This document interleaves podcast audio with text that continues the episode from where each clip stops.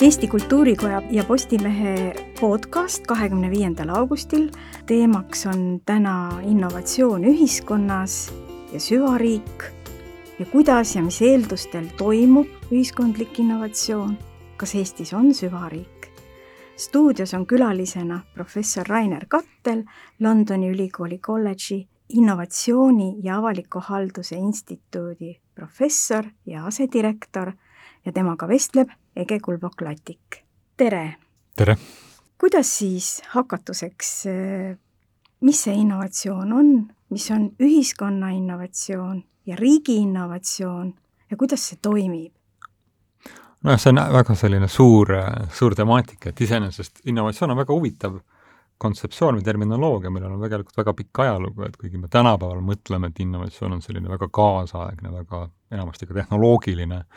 kui me mõtleme innovatsiooni peale, mis me mõtleme nutitelefonide, startup'ide peale, kõige sellise peale, aga kui me vaatame selle terminoloogia ajalugu, siis ta tegelikult läheb sinna kuueteistkümnendasse, viieteistkümnendasse sajandisse ja ta on oma algselt üldsegi poliitiline termin, ta tähistab siis sellist, mida me täna nimetaksime revolutsiooniks. Et kui oli väga innovaatiline nagu ühiskondlik olukord, siis see tähendas seda, et äh, üks grupeering langes võimult ja teine tuli võimule ja näiteks Niccolo Machiavelli on, on üks esimesi autoreid, kes selles mõttes innovatsiooni sellisel kujul üldse räägib ja, või käsitleb ja ja samamoodi ka siis seitsmeteistkümnendal sajandil me väga palju leiame seda Inglise äh, sellisest poliitteooriast ja jällegi ta on pigem selline negatiivne termin, et innovatsioon tähendab korra nagu lagunemist ja revolutsioonilise nii-öelda olukorra tekkimist, et, et see, et ta sellise majanduspoliitilise sisu omab, on tegelikult väga hiljutine, võib-olla ainult kaheksakümmend aastat, kus me käsitleme innovatsiooni sellise väga, väga nagu majandusliku kontseptsiooni ja eelkõige tehnoloogilise kontseptsioonina, nii et selles mõttes, et me nüüd täna võib-olla teeme sellise, lähme ajas tagasi, et me avame selle kontseptsiooni uuesti, et räägime sotsiaalsest, ühiskondlikust innovatsioonist ja võib-olla laiemalt, et innovatsioon ei pea olema alati tehnoloogiline ja selline suur tehnoloogiline revolutsioon, vaid ta võib olla organisatsioonide juhtimises, ta võib olla ühiskonnas, ta võib olla selles, kuidas me ühiskondi nii-öelda üles ehitame, struktureerime neid, millised on ühiskonna jõujooned ja nii edasi, et mõnes mõttes me võime teda näha kui sellise uuendusvõimena, kuidas kas ühiskond suudab ennast uuendada ja uute väljakutsetega hakkama saada aga jah, tal on ikkagi väga tugev selline majanduslik konnotatsioon, mis tähendab, et kas me suudame siis nii-öelda majandust kasvatada ja kasumit teenida äh, muutuste, muutuste arvelt, et muutused võivad olla ka sellised, mis viivad ju siis hoopis nagu majandus, majanduskahjumiteni ja kaoseni. aga jah, ma arvan, et selles mõttes see, see laiem taust on väga huvitav ja täna tänu sellele ma arvan ka täna me näeme väga palju selliseid ka rahvusvahelisi organisatsioone nagu ÜRO räägivad sellisest palju laiemast innovatsioonist, mis eelkõige siis puudutabki ühiskonna võib-olla nõrgemaid osapooli, kui me räägime erinevatest rassidest, kui me räägime soost kui me räägime ka vaesusest ja kõigist sellistest aspektidest, et innovatsioon üha, see kasutamine laieneb, aga seetõttu muidugi see termin ilmselt paratamatult ka siis hägustub, et et ta muutub mõnes mõttes selliseks ka moesõnaks väga lihtsasti, mida võib igas kontekstis kasutada. jah, tõepoolest, värskemad majandusteoreetilised käsitlused viitavad innovatsioonimehhanismi universaalsele loomusele mm., teadmiste akumulatsioonile ja demokratiseerumise ja võrgustikulise osaluskultuuri kontekstis näiteks käsitlevad seda Austraalia kultuuri- ja majandusteadlased Potts ja Hartley, kes ütlevadki, et kui inimesed teevad mingeid võrg-, võrgustikulisi tegevusi mm., et siis sealt sünnib uuendus, mis, mille levik on äh, kogu mm. ühiskonnale tunnetatav. noh, siin ma arvan, see oluline ongi see, et, ähm, et võib-olla tõesti me sellistes üheksakümnendate aastate ja just nimelt sellise tehnoloogilise innovatsiooni nagu vaimustuses, et kus me mõtleme nendele enamasti siis valgetele meestele nagu Steve Jobs või täna siis äh, Elon Musk ja nende sellisele üksikini, üksikindiviidi justkui võimekusele midagi e-, eri, erakordset luua, et et siis tegelikult me teame väga hästi teadusuuringute kaudu, et innovatsioon on peaaegu alati väga süsteemne või väga ühiskondlik ja väga meeskonnatöö, et selle, selles on sageli ka osalevad ka siis mitte ainult siis ühes organisatsioonis väga palju inimesi, aga ka organisatsiooni välised partnerid nagu teadused, teadusüli-, teadusasutused, aga isegi ka tarbijad, kes tegelikult siis ju võtavad omaks või ei võta omaks teatavaid innovatsioone annavad tagasisidet ja nii edasi ja nii edasi, et, et seetõttu sellisest heroilisest mütoloogilisest innovatsioonist, et kuskil istub üks nii-öelda startup'i asutaja, kes algul läheb kindlasti siis pankrotti ja kannatab kohutavalt ja siis saab kohutavalt rikkaks, et et ma arvan, et sellest me täna, me, me sellises teaduse mõttes, me seda täna enam keegi tegelikult ei usu, et see nii on, et et innovatsioon on peaaegu alati süsteemne nähtus, aga selle puudumine on süsteemne nähtus, et kui ühiskonnas ei ole piisavalt innovatsiooni, siis selle selle, sellel ei ole üks süüdlane, peaminister või kes iganes, eks on ju, sellel on alati siis ka mitmeid osapooli, kes siis ei, ei, kas ei tee koostööd piisavalt hästi või ei, ei luua uusi teadmisi ülikoolides, ei luua uusi, uusi oskusi inimestele, või on siis regulatsioonid, mis tegelikult ei, ei, ei võimalda tarbijal tarbida näiteks kas või täna võib-olla mahetooteid näiteks ja nii edasi, et et see on kõik selline väga kompleksne, omavahel seotud nähtus, mis muidugi teadlasena on väga põnev, sest on, kui midagi on väga kompleksne, siis tähendab, et seal on võimalik väga palju uurida ja katsetada ja mõista, mõistatada. kuidas te suhtute sellesse kontseptsiooni, et on olemas ka rahvuslikud innovatsioonisüsteemid? jaa, ma arvan, ta on, ta on kindlasti väga hea selline nii-öelda katuskontseptsioon, et me just nimelt ta, ta üritabki siis viia tähelepanu kas ühelt inimeselt või ühelt ettevõttelt, no kas või ka Eesti kontekstis me kõik teame suurepäraselt sellise Nokia mütoloogia rolli Eesti poliitikas üheksakümnendatel aastatel, et mis on meie Nokia ja mõnes mõttes Eestil on see tänaseni tegelikult päris omane, et kui te satute sellisesse poliitilistesse diskussioonidesse innovatsioonist, siis on alati, et et no mis on see meie nagu Nokia, mis meid nagu päästab, et ma arvan, see on sama selline heroiline ühe suure nagu paugu otsimine, mis, mis tegelikult ma arvan, et ei, ei ole peaaegu kunagi see lahendus, et, et alati on selles nii-öelda ka, kas ütleme siis majandusarengu taga on väga palju erinevaid nagu tegijaid, ettevõtteid, riigiametnikke, poliitikuid, ülikoole, kolmanda, kolmanda sektori ühiskondlikke liikumisi, et kõik on väga olulised, et äh, aga nagu öeldud, et siis me, siis me nii-öelda mediaalses mõttes me tahame näha, et see on nagu, me saame kõike lahendada imekombel, et tegelikult oleks ju super, kui kui Eestisse tuleks ka neid nii-öelda selliseid, üha rohkem neid üksiksarvi, et nemad ju kõik lahendavad meie probleemid, aga aga tegelikult see paratamatult nii ei ole, nii et selles mõttes see, see rahvuslik innovatsioonisüsteem on väga hea selline katusmõiste, mis, mis juhib meie tähelepanu ühelt ettevõttelt või ühelt inimeselt kaugemale ja, ja, ja seetõttu ka võimaldab meil rääkida ka sellest võib-olla pahupoolest. Et innovatsioon, eriti mida me täna, kui me, kui me räägime startup idest, infotehnoloogiast, see kipub olema väga palju valge mehe mängumaa, seal on väga suuri sooprobleeme, rassiteemasid ja kõike, mida me tegelikult siis Äh, ei, ei justkui, kui me keskendume ainult sellisele ühele ettevõttele või indiviidile, siis me ei näe seda ja ja seetõttu ka seda täna selline nii-öelda innovatsioon ja ebavõrdsus näiteks on väga oluline mhm. temaatika, mida me, teadlased üritavad nüüd lahti mõtestada ja rakendada kui me nüüd mõtleme Eesti rahvusliku innovatsioonisüsteemi peale, siis ei saa seda vaadata ju kaugemale, kui see nii-öelda rahvuslik kehand oli kujunenud, ehk siis umbes sada viiskümmend aastat. Ja noh, kui mõelda ühe Chris Freemani uurimusele, et kuidas siis need ajaloolises perspektiivis üheksateistkümnenda, kahekümnenda sajandi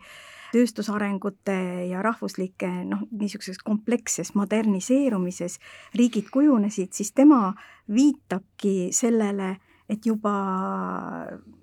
varem eh, on majandusteadlased tähele pannud seda, et, et eh, kapitali mõiste ei ole ainult mitte raha hulk ühiskonnas, vaid et kapitali alla käib ka intellektuaalne ja eh, kehaline võimekus, mis siis ühel või teisel rahvakillul on mm, -hmm. et see rahvuslik innovatsioonisüsteem saaks kujuneda. et eh, selles suhtes mind on tohutult eh, inspireerinud see Eesti nii-öelda täitsa imetrikk kuidas mhm. siis sellistest kehvadest, ebavõrdsetest koloniaalkontekstiga rahvakillust ikkagi õnnestus see meie rahvuslik innovatsioonisüsteem, nagu me teda täna näeme oma ülikoolide ja kõrgkultuuriga, kuidas see hüpe meil juhtus, mis see triksteri temp oli siis, mida siis need, see maarahvas siis tegi? noh, ma arvan, et äh, üks, üks, ühest küljest me peame küsima, et kui, kui kiire või suur see hüpe oli, et, et ilmselt see ikkagi toimus läbi aastakümnetega, mitte aastasadade, et ja siin on oma, oma panus oligi sellel ju meie nendel erinevatel koloniaalvalitsejatel, et ühest küljest siis see Saksa kultuuriruum, milles me väga pikka aega olime, mis tegelikult siis ju see Saksa-Rootsi siis meile, mis meile selle kõrghariduse tõi, eks ju, Tartu Ülikooli näol, sealt edasi siis, et see kõrgharidus muutus omakorda siis Vene tsaaririigi jaoks väga oluliseks instantsiks ja nii edasi ja nii edasi, et ma arvan, et see meil on ilmselt selline mõnes mõttes olnud ka geograafiline juhus, et me oleme sattunud siis võib-olla sellise kindlasti mitte, mitte, mitte võib-olla kõige, kõige hullemate siis nende koloniaalvalitsejate alla, kui me nii öelda, aga noh, ega see kehtib kogu selle piirkonna kohta, mis me siin näeme, et aga ma arvan, kindlasti see, üks on see puhas selline geograafiline asend, mis on äh, ja mis on meile tänaseni ilmselt see kogu see olemine ida ja lääne ja põhja-lõuna ja erinevate nii-öelda nende jõujoonte, aga te, teisest küljest siis ka kaubandusteede vahel, et mm, -hmm. et mis kindlasti seda, alati seda, kui me räägime sellisest mingisugusest teadmisest ja kogemusest, et see, et siin käib palju inimesi läbi, on alati väga kasulik, et et me õpime ja näeme, kuidas teised elavad ja teevad, et ja selles mõttes Tallinn on kindlasti olnud juba aastasadu väga rahvusvaheline linn et selles mõttes ma arvan, et Tallinnat nimetada ilmselt Eesti linnaks ongi raske, selles mm -hmm. mõttes, et see on, ta on alati olnud väga rahvusvaheline, nagu ta tänagi on, et ta on kindlasti Eestis kõige rahvusvahelisem, kõige mitmekülgsem linn, et ja, ja tänu sellele ma arvan, et äh, ega, ega ka mujal, et kui me vaatame, mis on sellise siis innovaatilisuse taga laiemas mõttes, et ega see mitmekülgsus on alati väga oluline, et kuigi see sõna, see rahvuslik innovatsioonisüsteem ongi selles mõttes võib-olla natukene nagu, nagu ütleme siis, eksitav, et ta seda rahvust seal rõhutab, et see, et selle innovatsioonisüsteemi enda sees see mitmekülgsus on hästi oluline, aga see, mida see rahvus võimaldab teha, on siis võima-, võimaldab selliseid, või riiklik, kui me tahame teistpidi öelda, ta võimaldab meil võib-olla neid ressursse koondada ühes, ühise eesmärgi nimel, et ta annab sellise sihi, et me tahame riigina ellu jääda, näiteks et kui me vaatame kas või sama Singapuri peale, et noh, mis on täna üks selliseid innovaatilisemaid ja väga arenenud väikeriike, siis nende noh, mõnes mõttes positsioon on ju sarnane, nad on suure Hiina külje all ja nende julgeolekul on nendel alati olnud väga esmane ja üldse ellujäämine kui selline väga oluline olnud, et ja see nagu ühendab, kuigi nad on ju rahvuslikud komp-, komp-, nii-öelda koos, koosluselt on nad samamoodi selle Hiina ja, ja teiste selle nii-öelda regiooni rahvuste nägu, et ei ole olemas Singapuri kui rahvust, selles mõttes, et ta on ikkagi mm. riik, mis on selles mõttes väga oluline, et ja ma arvan, et Eesti kontekstis on see samamoodi, et see nii-öelda selle mingi sellise geograafilise koosluse ellujäämine, mis on olnud alati üks olulisemaid äh, nii-öelda, nii-öelda tõukama panevaid jooni ja see on siis võimaldanud koondada erinevatel vaadetel ja jõududel ja selle mitmekesisusel siis mingil määral nii-öelda toimida, et ega, ega samas, kui me vaatame ka Nõukogude aja peale, siis Eesti enamasti sai väga hästi hakkama selles kontekstis, ma mõtlen mm. -hmm. et ikkagi haridus ja kõrgharidus olid väga hinnas, inimesed nii-öelda, sotsiaalne mobiilsus oli päris kõrgemal, inimesed tulid mm -hmm. maalt, kes, kes, kellel ei olnud haridust, nad läksid kõrgkoolidesse ja nii edasi nii edasi, et et järelikult see selline nagu kumulatiivne läbi võib-olla paarisaja aasta kestev selline mm -hmm. nii-öelda progress on, on, on, ma arvan, väga oluline olnud jaa, kahtlemata ma arvan, nii ka see Friedrich List tuhat kaheksasada nelikümmend üks omistas sellele riigile keskse rolli rahvusliku innovatsioonisüsteemi sihipärasest arendamisest mm.. et noh, et süstemaatiline haridus ja haridusele juurdepääs, aga eestlastel ei olnud seda süsteemi äh, ei tsaari, tsaaririigi äh, kontekstis ja ka baltisakslased ei olnud mitte kõik estofiilid, kes oleks olnud vaimustuses maarahva edenemisest, et ma siin mõtlen seda, et ikkagi see kohalik maarahvas mingil põhjusel tahtis nii väga äh, nagu härrasrahvastega nagu sarnaneda, et seal olid kindlasti ka sellised mm. sa-, staatuse ja, ja võrdsuse küsimused, mis, mis panid inimesi haridust väärtustama mm, -hmm. edenema, püüdma, ka kõik need krati metafoorid, et kui mm. vahendeid ei ole, kuidas me edeneme mm., mida me välja mõtleme, noh, kui juba oma riik on, siis on tõesti nagu lihtsam seda koondada. aga kui kui nüüd tulla Eesti tänastesse,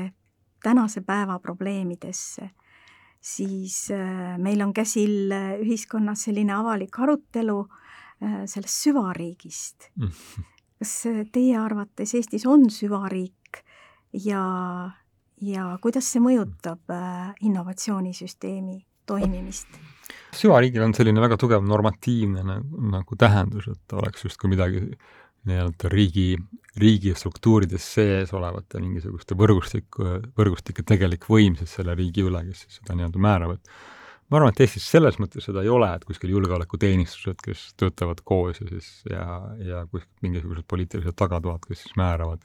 otsustavad, küll aga me võime kindlasti rääkida väikeriigile omasest sellisest väga võib-olla kitsast otsustajate ringist, et see kipub olema kõikides väikestes riikides paratamatult, kuna inimesi on suhteliselt vähe, paljud inimesed käivad ühtedes koolides, nad on isegi võib-olla kaugeltpidi sugulased, tunnevad üksteist väga hästi, et ja selles mõttes selline elitaarne korporatiivne mentaliteet on väga lihtne tekkima, et ja mis võib olla, kui me räägime innovatsioonist, see võib olla väga hea, sest on väga lihtne üksteisega kokku saada ja arutada ja asju edasi viia, et Eestis on üks näide sellest kindlasti ongi e-riik, ma arvan, mis on, mis on peaaegu alati olnud selline formaliseerimata strateegia või see formalis-, strateegia on alati tulnud hiljem, et et kui me vaatame erinevaid olulisi lahendusi nagu X-tee ja kõik muud, et nad ei ole kunagi olnud strateegias enne, strateegia alles aastaid hiljem ütleb, et X-tee on oluline, tegelikult on kusagil olnud need nii-öelda siis see võrgustik, kes on seda omavahel, insenerid ja poliitikud ja, ja ärimehed, kes on omavahel väga hästi läbi saanud ja ja kui me vaatame kas või siis, mis, kuidas toimus siis selle küberrünnaku tagasilükkamine kaks tuhat seitse, see oli kindlasti ka, ühest küljest riigil oli väga oluline roll, aga teisest küljest oluline roll just, oli just nendel sellistel võrgustikel, era- ja avalikel võrgustikel, kes omavahel väga hästi said läbi ja koostöö, koostööd tegid, et aga ma arvan, see on Eestis selline väga unikaalne näide, et äh, e-riik ja üldse selle IT-valdkonnaga tegelikult seotud, kus me kõik aktsepteerime, et selline elitaarne võrgustik on väga oluline.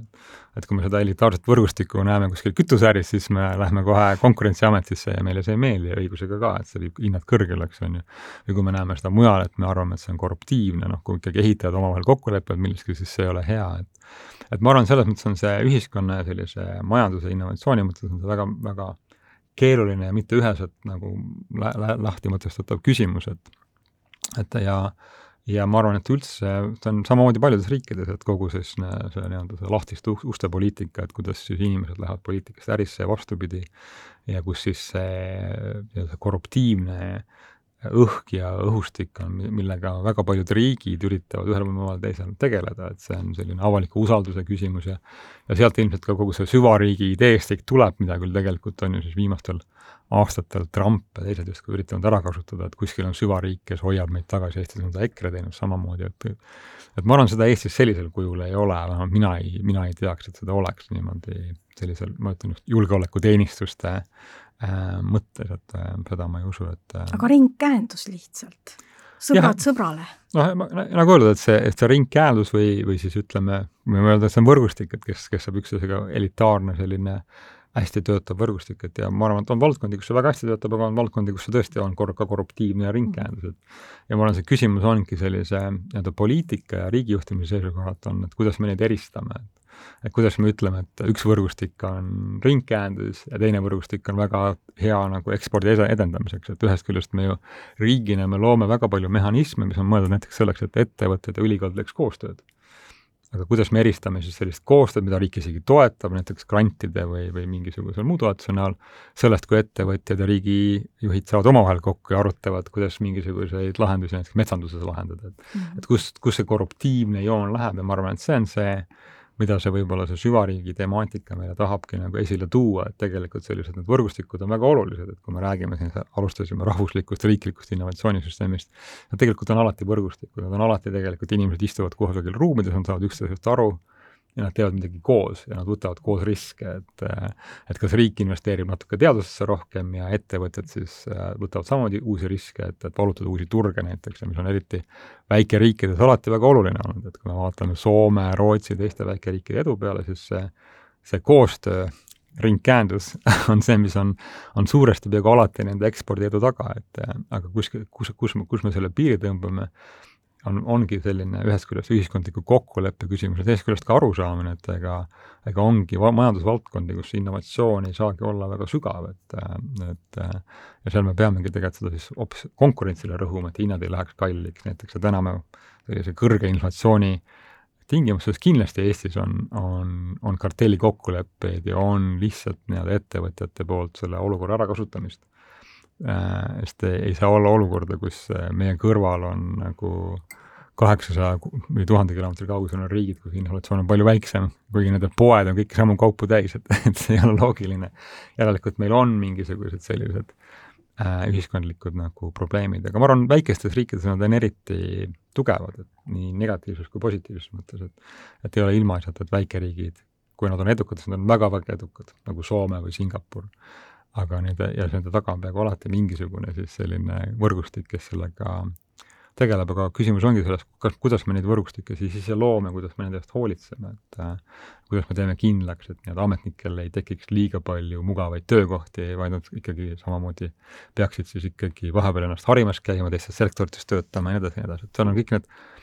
sellised küsimused, mida me, mida me peame teravalt nagu käsitlema, Eestis muidugi meil on ka näiteid ju sellest, kuidas riik on kindlasti üle pingutanud selle äh, selle nii-öelda huvide konflikti uurimustega ja, ja siin aastaid tagasi ma mäletan, minu väga hea kolleeg,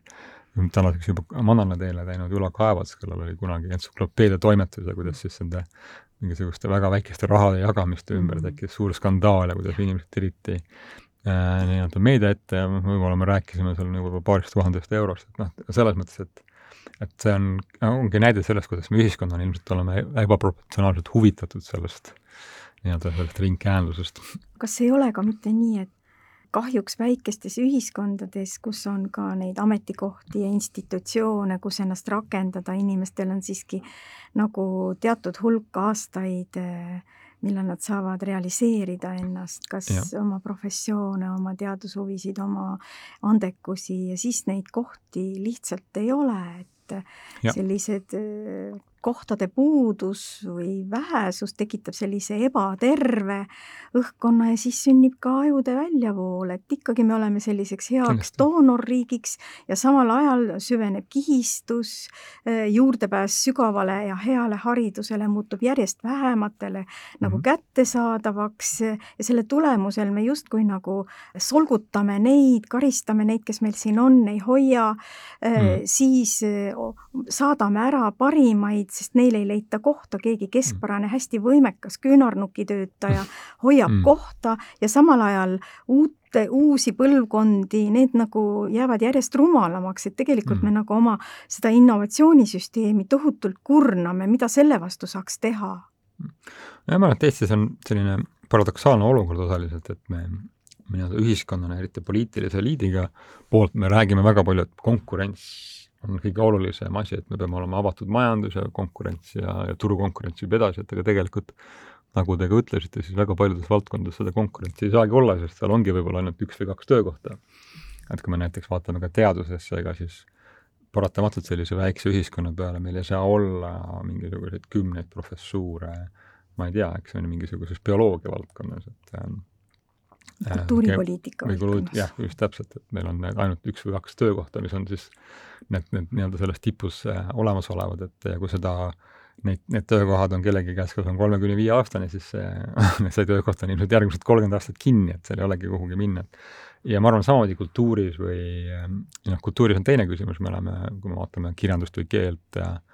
ja teatrit, et siis me oleme paratamatult nagu oma keeles lukus, et mis on ühest mhm. küljest tore, aga samas on teisest küljest see mõnes mõttes sellist ka konkurentsi ideede vallas just nimelt pidurdab, et ja ma arvan, et see on see, kus riik peaks nagu hoopis teistmoodi võib-olla hakkama mõtlema, et me peame tegelikult, sest meil on täna selline nii-öelda nagu konkurentsipõhine arusaamine, et me tahame, et meil oleks nagu kunstides igal pool omad tipud olemas, kes jõuavad kuhugi rahvusvahelisele areenile, aga ilmselt sellise kui me räägime rahvuslikust innovatsioonisüsteemist, siis meil ilmselt oleks hoopis olulisem, et meil oleks palju rohkem äh, selles valdkonnas tegijaid lihtsalt, et mis tähendakski võib-olla, et mitte toetada, ma ei tea, tippude kuhugi Veneetsia biennaalile saatmist, vaid võib-olla hoopis mingisugust kodanikupalka näiteks. et oleks lihtsalt rohkem selles valdkonnas tegijaid, et see, nagu ma ütlesin, et see, et see rahvuslik innovatsioonisüsteem mõnes mõttes on selline eksitav termin, et ta nagu varjab endas seda, et me peaksime kogu aeg mitmekülgsust tahtma ühiskonda luua juurde, et meil on vaja mitmekülgsust ettevõtluses, meil ei ole, meil ei ole hea, et meil on kõik ostukeskused ühesugused, et me peaksime seda kuidagi näiteks piirama Ähm, kas või selle läbi, et neid lihtsalt enam rohkem juurde ei tulegi. Ja nii edasi, et aga samamoodi ka, kui me räägime kultuurist ja kunstist ja ülikoolidest, et me peaksime seda mitme, mitmekesisust, et äh, tahtma rõhutada, aga meil on kahjuks sellise väikeriigi kontekstis, me pigem tahame sellist efektiivsemaks teha, et me teeme ühe ülikooli näiteks. Mm. -hmm. et siis me oleme rahvusvaheliselt silmanähtav, paistvamad, siis me oleme rahvusvaheliselt konkurentsivõimelisemad, aga see ongi see, see konkurentsivõime ja mitmekülgsus on omavahel väga, väga sageli vastuolus et kui me räägime kultuurist ja teadusest. ja seetõttu jah, ma arvan, et me tegelikult, me oleme läinud viimased paarkümmend aastat seda konkurentsivõime efektiivsuse teed, et kuidas me leiame selle ühe kunstniku, kes jõuaks kuhugi MoMA-sse New Yorki, eks on ju, siis me mhm. saaksime sellest kirjutada, kõik anda talle kultuuripreemiaid ja siis me saame teha saateid ja ta on, tema on justkui nagu eeskuju teistele, see on samamoodi teaduses, see on samamoodi spordis, et täpselt samamoodi me võime ka spordi kohta öelda, et rahvasport on ilmselt oluliselt olulisem kui ükskõik, ükskõik milline olümpiavõit kahjuks, et lihtsalt nii-öelda ühiskonnana kui mida, mida rohkem inimesed spordivad, seda tervemad nad on, seda odavam on meie tervishoiusüsteem, et et jah, me võime öelda, et mingisugune olümpiavõit võib-olla motiveerib kedagi seda tegema, aga vaevalt see tegelikult nii on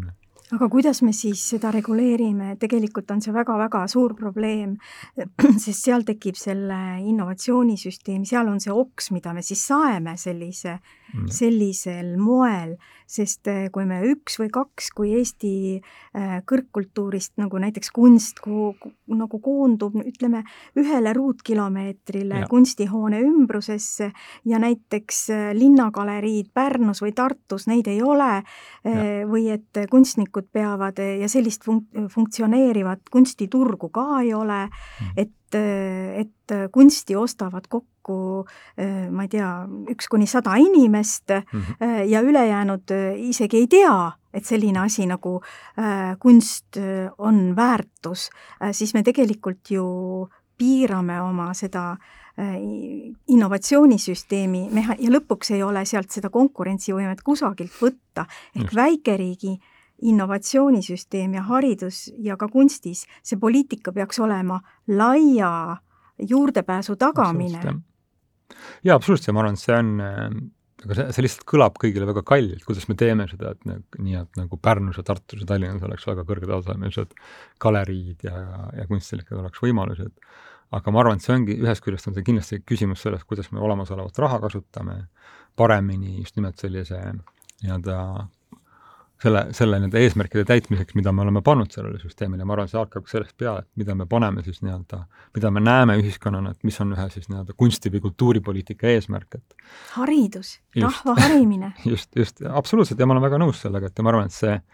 et see, millest me ka alustasime, et kui me räägime, mis asi on selline innovatsioon, siis ta tegelikult ongi nagu uuenemisvõime, aga no uuenemisvõime, sellest tulebki, et, et meil on pidev uute ideede, uute lahenduste otsing, et me tegelikult ainult seda toetame või sellele toetame, aga väikeriigi problemaatika on tõesti selles, et me tahame olla ka, me peame olema avatud, me peame rahvusvaheliselt kuidagi lis-, lisa teenima ühiskonnana põhimõtteliselt, me peame eksportima nii, nii kultuuri, teadust kui, kui, kui tehnoloogiat, aga see, selles mõttes see, selle spagaadi tegemine seal vahel ongi, ma arvan, selline, milleks, milleks meil on tegelikult vaja poliitikat. milleks meil on vaja neid selliseid kompromisse leida. Ja ma arvan, et me oleme tõesti väga paljudes valdkondades läinud ühele poole nii-öelda kaldu jah, et me toetame seda tippu, teaduses samamoodi tegelikult, me toetame tippu ja me, me, me näeme seda näiteks, meil on aastakümneid, me räägime kui kohutavast patust, et meil on erialade dubleerimine. siis teisest küljest võib öelda, et see peaks olema vastupidi või see peaks meie eesmärk olema, et me dubleerime mõningaid erialasid, sest muidu meil ei ole üldse mitte mingit konkurentsi. Mm.. eriti kui me mõtleme valdkondi, mis on meie enda keeles kinni näiteks nende enda kultuuriruumis kinni, kui seal ei ole konkurentsi, siis ta ilmselgelt nagu jääbki hääbuma või ta on väga sõltuv sellest ühest või kahest indiviidist, kes seal on. ja kui nemad ei ole nagu väga koostööallid võib-olla või nad, nemad on väga nii-öelda oma inimestega või toetavad ainult omasuguseid inimesi. ja reeglina nad ei ole just, avatud just, teistele. just, ja väga sageli on sellel ka igasugused soolised küsimused, kuna naistel nad võivad olla väga palju kõrgharidussüsteemis äh, presentsed, aga nendele ikkagi jääb sageli laste kasvatamise kohustus, nemad, nende nii-öelda ligipääs selle süsteemi tipule on palju väiksem, et noh, kui me vaatame teadus, vaatame ükskord Teaduste Akadeemia liikmeid mm, -hmm. et äh, ja nii edasi, nii edasi. häbiväärne, jah. just, et ja ma arvan, et, et see on väikeriigis eriti selline problemaatiline, et kui me seda ainult tippu toetame ja siis tahame seda tippu näha New York Timesis ja, ja see ongi meie suur eesmärk, et ma arvan, et see et selle tõttu me nagu täna väga palju kaotame tegelikult või raiskame siis oma ühiskondlikku nii-öelda vara inimeste näol. ja me raiskame mm, oma andeid ja inimesi ka selle vähese tunnustamise tõttu. aga ma küsin ühe niisuguse küsimuse nagu ajaloost veel, et vaadates seda intervjuud ette valmistades, märkasin ma, et teie noh, haridusteel haridustee räägib sellisest sügavast ajaloost ja filosoofia huvist. et eh, teie õppisite eh, Tartu Ülikoolis politoloogiat ja olite klassikalise filoloogia ajal magist-, alal magistrantuuris ja teie magistritöö käsitles poliitilise filosoofia teket kuuendal sajandil Vana-Kreeka luules jah, nii see oli kuidas see magistritöö kirjutamine siis välja nägi, et tõlkisite Vana-Kreeka luulet uurisite jah ja siis vaatasite, kuidas seal kujunes poliitiline diskursus? jaa, nii see oli, et ega tegelikult need ähm, noh, see Vana-Kreeka selline varaja luule, luule, seal on peamiselt ainult fragmendid tegelikult alles, et mis on meieni täna jõudnud, et selliseid päris terviktekste seal on päris vähe, et aga seal on väga sellised äh, väga huvitavad teemad, seal räägitakse sportlaste ülistamisest, et kas see on liigne kas me ei peaks hoopis teadmisi ja inimesi, kes ühiskonnale midagi annavad, ülistama näiteks ja, ja nii edasi, et ja, ja muidugi Solon, kes on üks olulisemaid seaduseandjaid, oli, oli Ateenas kogu see temaatika, kuidas ühi-, üle, ühele ühiskonnale luua selliseid alusseadusi, alusraame ja kuidas see on siis seotud indiviididega. ja, ja kõik see, et, et see, kes neid kirjutab, neid seadusi, peab sellest riigist ära minema, kõik sellised väga huvitavad teemad, mis on tegelikult meie, meiega tänaseni kaasas, on siis nii-öelda võimu äh, võimude lahususe ideed ja, ja kõik sellised nii-öelda ühiskonna poliitilise tasakaalu ideed ja ma arvan, nende, nende arutamine juba käis jah, selles varajases luules, et et mis minu jaoks oli, oli väga põnev ja, ja selles mõttes oli see äh, jah. Läksite oma politoloogia ja Just. ka põhjani, juurte juurde välja Machiavellist mööda, et kust see siis ikkagi lähtub? Jaa, see oli tegelikult selline, ma mäletan, et äh, kuna ma olin oma ülikooli ajal, olin ühe aasta olin Marburgi ülikoolis ja kus ma siis peamiselt õppisingi äh,, algselt õppisin filosoofiat ja siis ma sain aru, et peaaegu iga filosoofia loeng algas sellisest, et me peame minema algusesse tagasi ja see algus tagasi oligi siis enamasti Sokratese mm -hmm. nii-öelda eelsokraatiline luule, mis siis ongi see vara, varajane luule, et ja siis ma ühel hetkel saingi aru, et ma pean seda ise ka nagu siis kuidagi nagu olema võimeline originaali keeles õppima, siis ma hakkasin seda kreeka keelt õppima ja hiljem läksin siis Anne Lille juurde Tartu Ülikooli magistratuuri, mis oli äärmiselt, äärmiselt sümpaatne kogemus minu jaoks. ja, ja siis teeme teie doktoritöö siis, mis oli juba haldusjuhtimise ja. alal, oli siis eh, poolise loomine või, või poolise konstitueerimine, et mis seal siis nagu see rõhuasetus oli, kas te vaatasite, kuidas hmm. poolis instituut, kaardistasite selle institutsioone või? no see on ikkagi jah, selline nii-öelda nende, mis tähendab, et kui me ühiskonna tahame poliitiliselt juhtida, mis on, mis on selle jaoks nagu sellised olulised raam, raamtingimused, mille üle me peame mõtlema, et ja noh, täna me räägime sellisest konstitutsioonidest ja põhiseadusraamidest, mis, mis loomulikult tollel ajal ei olnud veel nii-öelda Vana-Kreeka kultuuri selles mõttes nad ei olnud olemas, aga olid loomulikult alusseadused ja olulised seadused ja nende üle mõtlemine ja kes neid seadusi järe-, kelle, kes nende seaduste üle järelevalvet teostab, kuidas seda tehakse mm -hmm. ja kõik sellised küsimused, mis on oma, omamoodi siis nii-öelda sellist põhilist nii-öelda, oma põhiolemusest on tänaseni muutumatu, eks on ju, me me ka räägime Eestis, et kas me peaksime konstitutsiooni mingil määral muutma, näiteks kas või selle üle, et me peaksime võib-olla presidendi otse, otse valima või me peaksime parlamendi ja valitsuse vahelisi funktsioone tasakaalu muutma kuidagi, kuna parlament on muutunud väga ebatähtsaks Eesti poliitilises süsteemis, sest Eesti poliitiline süsteem on väga tugevasti täidevvõimu poole kaldu, et et järelikult see on, need on sellised samas, samasugused nii-öelda ühiskonna poliitilise balansi küsimused, kuidas me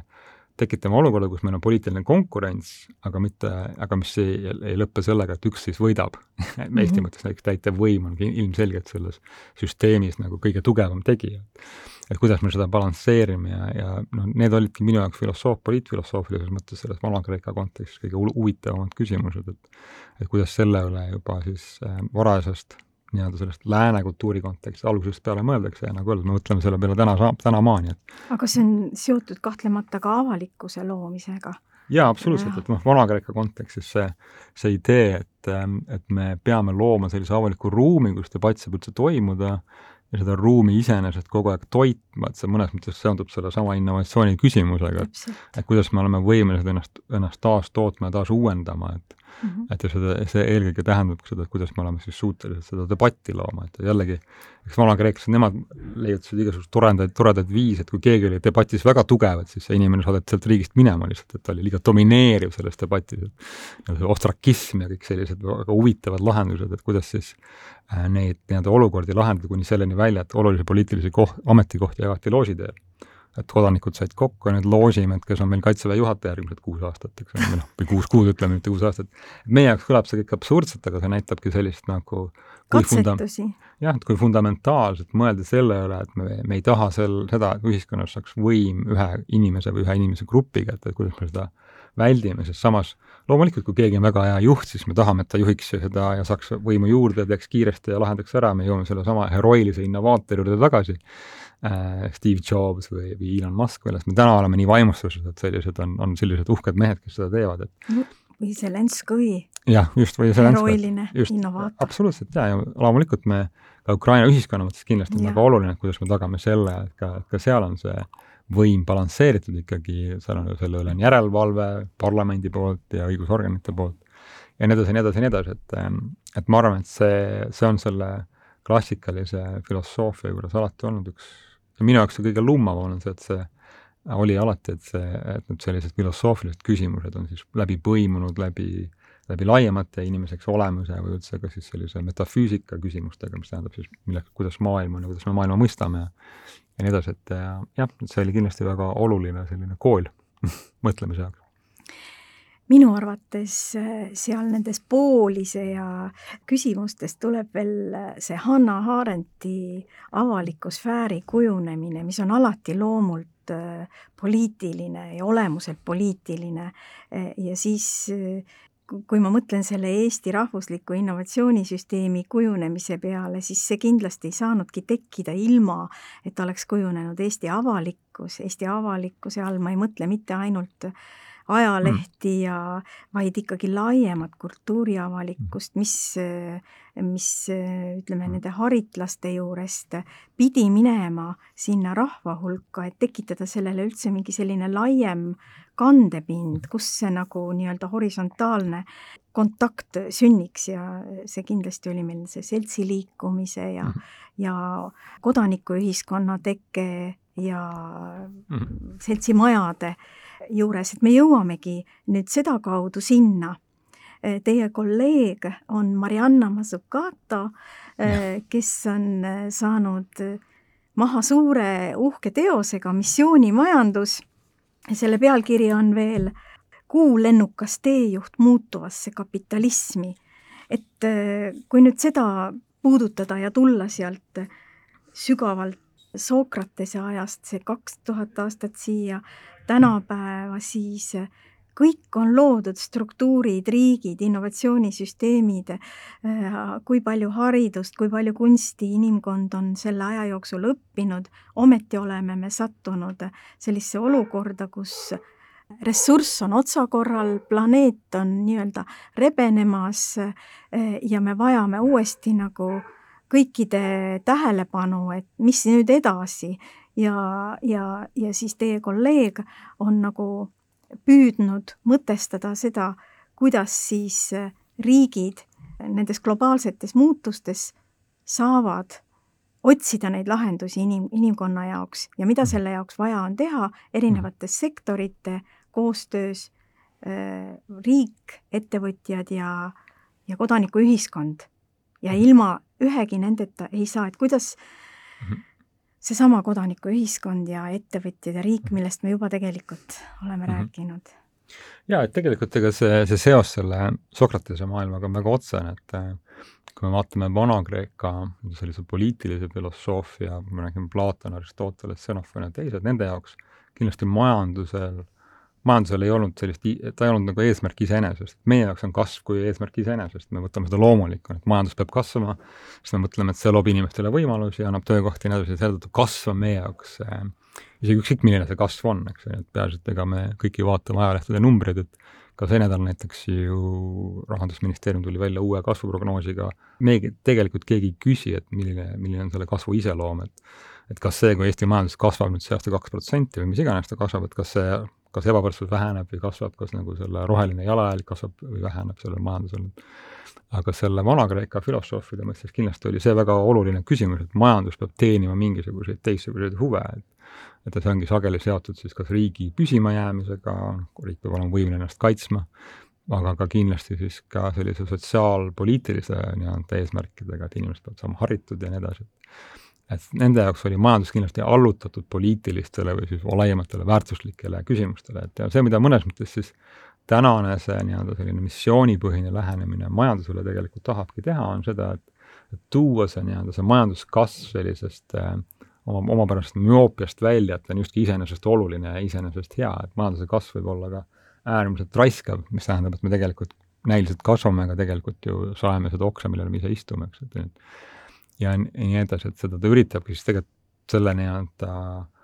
noh, mõnes mõttes minna tagasi selle, selle Sokratese aegadesse, aga loomulikult mitte ainult, aga, aga just, et me peaksime poliitiliselt olema võimelised panema majandusele hoopis teistsuguseid ja te, eriti tehnoloogiale eesmärke, mis, mis nii-öelda ühiskonda parandavad, et kas parandavad ühiskonna ebavõrdsust, kas parandavad siis seda meie ökoloogilist jalajälge või ka tegelevad haigustega rohkem ja nii edasi, et, et ühesõnaga, et see ühiskonna ressurss, meie teadmised, inimesed, oskused ei tegele sellega, kuidas lihtsalt jõukamaks saada, vaid et see jõukus siis ka iseenesest lahendaks meie tegelikke probleeme. et need on need missioonid siis? just, et see, et me peaksime siis suutma neid sellisel moel nagu sõnastada, et me tahame midagi saavutada spetsiifiliselt, et me tahame, et praegu muidugi väga paljud riigid seavad oma missioone siis eelkõige sellise rohelise, rohepöördega mis äh, on ilmselgelt ka hädavajalik, kui me vaatame kas või seda suve jälle, me näeme, kuidas siis nii-öelda põud on äh, Euroopast Hiinani ja, ja ka igal pool me näeme nendes riikides, kus kus äh, no ajaloolised, ajaloolised rekordid püsi-, püstitatakse siis kuuma, kuuma, kuumade suveilmade arvukuse poolest, nagu öeldud, siis nii Hispaaniast kuni Hiinani, et see ilmselt ei saa olla nagu juhus, et see, et see niimoodi on, et ja ma arvan, paljud riigid tõepoolest siis üritavadki selle läbi missioonide ehk siis selliste eesmärkide kehtestamise, et me, me peaksime siis mitte ainult jõudma sellise nulljalajäljeni, vaid me tahame, et selle nulljalajälje kaudu me looksime uusi, uusi ettevõtlussektoreid, mis tähendab, et me, me tahame mitte ainult siis nii-öelda äh, viia selleni, et me kõik kasutame elektriautosid, aga võib-olla, et meil on linnasid ja linnaosasid, kus me üldse enam autosid ei kasuta, et me viime selle täiesti teistele nii-öelda alustele, et või meil, et meie toidusüsteem ei põhine enam nii palju loomalihal, vaid hoopis, hoopisugusel teistsugustel proteiiniallikatel ja nii edasi, et ühesõnaga, et seda, me kasutame selliseid suuri eesmärke, mida me peame püstitama selleks, et me tegelikult siis selle all, selles innovatsioonisüsteemis nagu tekitame seda survet, et, et nii ettevõtjad, teadlased kui ka riik siis tegelikult tõepoolest panutaks, panustaksid uute innovatsioonide tekkesse, mis siis ideaalis ka neid probleeme aitavad lahendada, sest ma arvan, et see oluline küsimus siin ongi see, et me nagu keegi ei usu sellesse, et sellesse heroilisse väljamõtlejasse, et nii, see on see, kuidas Eesti saab rohepöörde tehtud, eks ju, et see ei ole kunagi ühe inimese peas ja see ei ole ka ühe tehnoloogia küsimus, et see ei ole, et me paneme igale poole päiksepatareid, eks ju. selleks on vaja erinevaid lahendusi kodudes elektri kokkuhoiuks, selleks on vaja mo-, mobiilsuse elektri kokkuhoiduks, selleks on vaja toidu, toitlustussüsteemides, kuidas jäätmetega tegeleda, kuidas tegeleda sellega, et me kasutaksime maad paremini ja nii edasi, nii edasi, et need on kõik need erinevad süsteemid, mis peaks sellega nii-öelda kokku saama ja sellega tegelema, et aga, aga jah, et see on see, millega väga paljud riigid täna üritavad siis tegeleda, et mitte raha panna sellesse, et meil on lihtsalt rohkem kasvu, vaid me küsime, et milline selle kasvu iseloom on ja kas, kui me ei ole sellega rahul, et kuidas me seda muuta saame mis peaks olema Eesti missioon äh, praegu? Äh, noh, mis peaks olema Eesti kasvu iseloomu mm., kui me seda kasvu tahame, mis, mis oleks meil kõige olulisem? ma arvan, et Eesti puhul on üks selline nagu paradoksaalne noh, nagu jällegi üks paradoks, millest me oleme siin mitmete puhul rääkinud, on see, et et meie jaoks see kliimamuutus on, on päris kauge või ta tundub siit päris kauge, et kui ka, kui ka meil august võib olla väga soe, et et me tegelikult ju kõik suhteliselt naudime seda, et augusti, augusti suveõhtud on kahekümne kraadised, me saame väljas istuda ja me justkui ei mõtle, me ei, me ei näe seda, selle, eh, kui oluline või kui kiiresti see maailm on muutumas, et et siin ma arvan, just kahes mõttes on see, et ma arvan, et väga palju selliseid juhtivaid ettevõtteid äh, globaalselt on sellest aru saanud, et nii-öelda nii tarbija eelistused kui ka meie energiavajadused ka sõja ja kõige muu tõttu on väga tugevasti muutumas, aga kui kui nii-öelda miljonid ettevõtted liiguvad kuhugi suunas, siis sealt tekib väga palju võimalusi ja aga kaovad ka mingisugused vanad võimalused, ehk meil on see oht jääda kinni vanematesse lahendustesse, mitte näha seda nii-öelda, seda tuule pöördumist. ja teine, ma arvan, mis on väga oluline, millest me võib-olla väga ei taha mõelda, on see, et et kahtlemata tekib väga palju kliimapõgenikke, et kui on maailmas piirkondi, kus inimesed ei saa enam elada kliim-, nii, kuna nii palav on, kui on ikkagi